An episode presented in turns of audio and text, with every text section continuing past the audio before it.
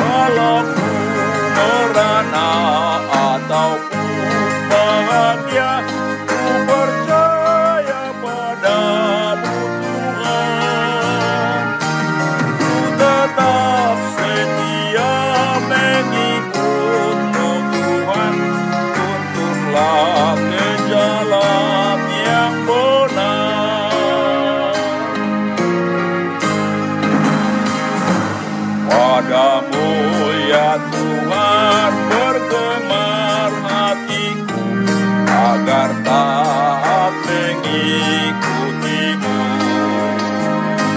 Putuslah roh kudus kuatkan hatiku. Tolak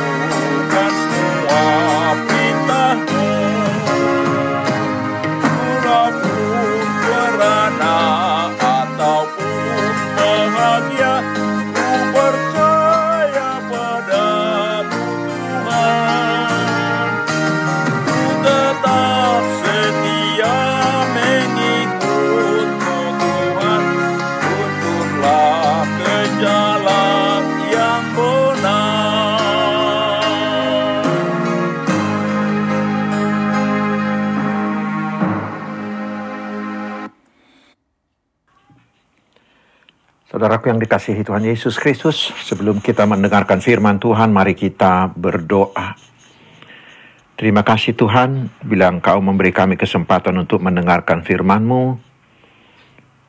Mari Tuhan, bentuklah hati kami menjadi tanah yang subur, agar firman-Mu tumbuh dan berbuah dalam hidup kami.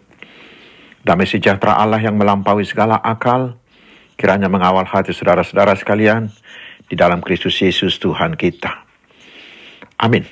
Saudaraku, firman Tuhan yang ditetapkan untuk minggu kelima sesudah Trinitatis hari ini adalah dari kitab Nabi Yeremia Yeremia pasal 22 ayat yang pertama hingga ayat yang ke-9. Beginilah firman Tuhan. Pergilah ke istana Raja Yehuda dan sampaikanlah di sana firman ini. Katakanlah, dengarkanlah firman Tuhan, hai Raja Yehuda yang duduk di atas tahta Daud. Engkau, pegawai-pegawaimu dan rakyatmu yang masuk melalui pintu-pintu gerbang ini. Beginilah firman Tuhan. Lakukanlah keadilan dan kebenaran Lepaskanlah dari tangan pemerasnya orang yang dirampas haknya. Janganlah engkau menindas dan janganlah engkau memperlakukan orang asing, yatim dan janda dengan keras. Dan janganlah engkau menumpahkan darah orang yang tak bersalah di tempat ini. Sebab jika kamu sungguh-sungguh melakukan semuanya itu, maka melalui pintu-pintu gerbang istana ini akan berarak masuk raja-raja yang akan duduk di atas tahta Daud, dengan mengendarai kereta dan kuda. Mereka itu pegawai-pegawainya dan rakyatnya. Tetapi jika kamu tidak mendengarkan perkataan-perkataan ini, maka Allah sudah bersumpah demi diriku.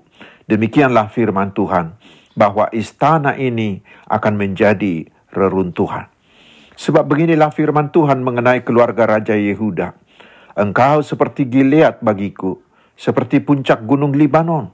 Namun pastilah aku akan membuat engkau menjadi padang gurun, menjadi kota yang tidak didiam, didiami orang. Aku akan menetapkan pemusnah-pemusnah terhadap engkau, masing-masing dengan senjatanya.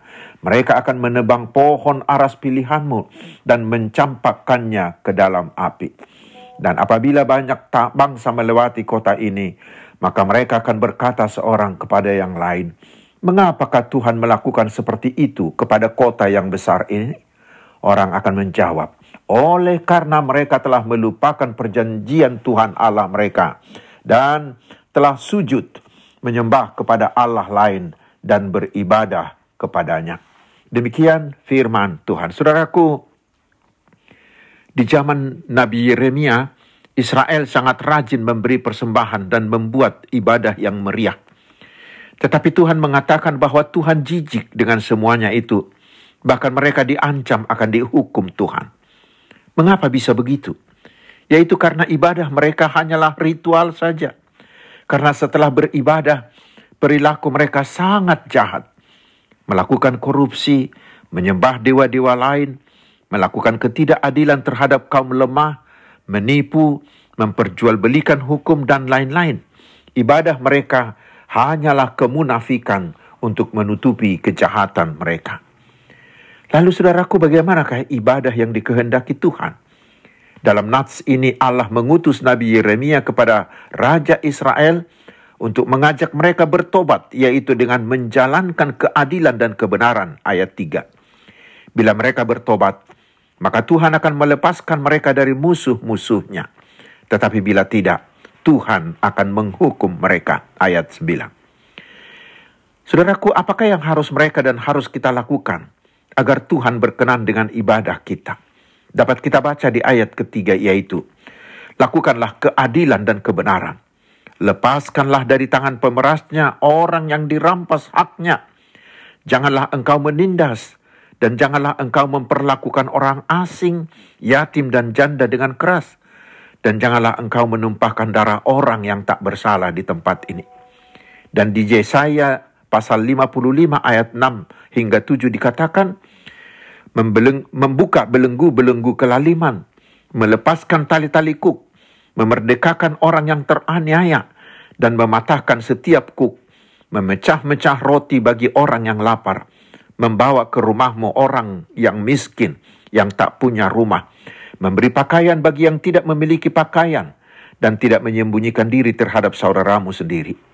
Sama juga seperti yang Tuhan Yesus katakan di Matius 25 ayat 35 hingga ayat 40 yaitu memberi makan yang lapar, memberi baju bagi yang telanjang, melawat orang yang sakit dan di penjara, memberi tumpangan kepada orang asing dan lain-lain.